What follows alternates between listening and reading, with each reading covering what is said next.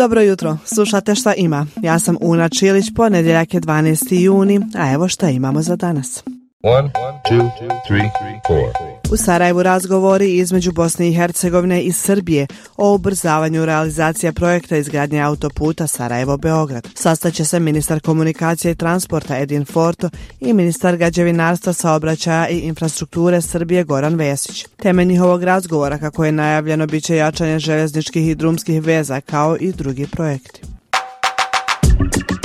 Narednih mjeseci stanovnici Sarajeva, ali i turisti i drugi posjetioci imat će priliku da uživaju u programima drugog izdanja specijalnog programa Narodnog pozorišta Sarajevo Kultura na ulice 2023. Sve do kraja septembra publiku očekuju nastupi dramskih, baletskih, operskih predstava na trgovima u kantonu Sarajevo, kao i izložbe likovne kolonije, ali i koncerti klasične i savremene muzike.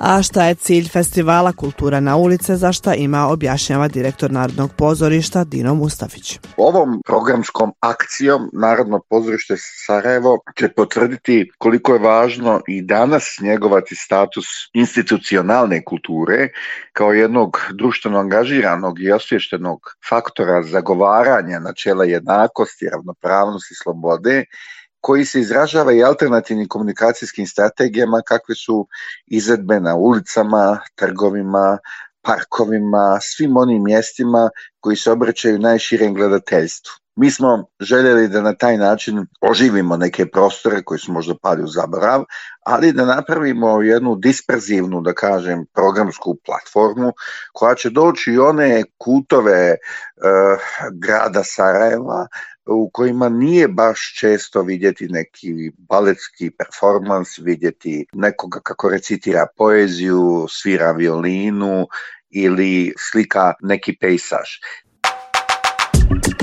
E sad nekoliko stvari ukratko. Prvo, informacija za sve one koji su planirali danas i sutra da posjete Trebevićku žičaru, da posjetu ipak odgode za neki drugi dan. Žičara će ova dva dana biti zatvorena za posjetioce zbog godišnjeg pregleda, pa na izlet možete od srijede kada će ponovo da radi. Dalje, Federalno ministarstvo obrazovanja i nauke u galeriji kraljice Katarina Kosača u Mostaru danas organizuje razgovor o temi Hercegovina nekad i sad. A bit će predstavljene i dvije knjige. Tragom Evlije Čelebije kroz Hercegovački sanđak kao i Hercegovina geografska, historijska i statistička studija. Događaj počinje večeras u sedam. Danas je svjetski dan borbe protiv dječjeg grada koji se ove godine obilježava pod sloganom Socijalna pravda za sve.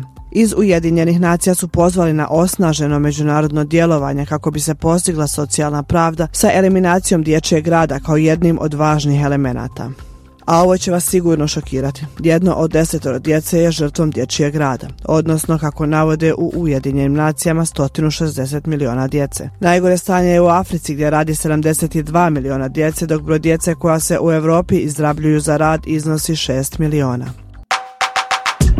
I pred kraj o zanimljivim rezultatima istraživanja Publishers Association, koje je pokazalo da će se ovog ljeta sve više ljudi okretati knjigama kao bijegu od stvarnosti. Navode da jedna od tri osobe kaže da im knjige pružaju bolji bijeg od stvarnosti ako imaju loš dan nego recimo kino, serije ili TV. Pa sam tim povodom opet za mišljenje o knjigama pitala kolegu Miloša Teodorovića.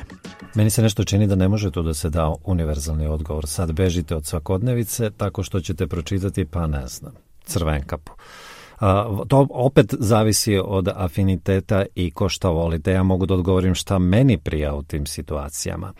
A ključna reč su metafore. I u tom smislu jako preferiram pisce koji skliznu u science fiction i koji se igraju sa nemogućim metaforama kako bi objasnili stvari koje su u toj smeri više slojne da opet objašnjavaju to od čega bežite, a to je taj život koji je izuzetno komplikovan. Kazuo i Shiguro je izuzetan po tom pitanju, je li Nobelovac, ali ajde sad da pokušam da izvučem nekoga ko nije u tom krugu vrlo poznatih imena, pa ću pomenuti ime Fjodora Sologuba, ruskog pisca. Radi se o piscu kraja 19. početka 20. veka koji je napisao neverovatno moderne priče i romane u kojima se upravo igrao sa tim metaforama. Ja sam pročitao jednu pripovetku o dečaku koji je opsednut senkama i neću više otkriti. jer završnica je takva da vas inspiriše da razmišljate u raznim pravcima. I toliko vas opsedne ta fabula da onda zaista zaboravite na probleme sobstvenog života, a opet negde i analizirate iste. One, two, three, four. To je sve od mene za danas. Čujemo se neki drugi put. Ćao!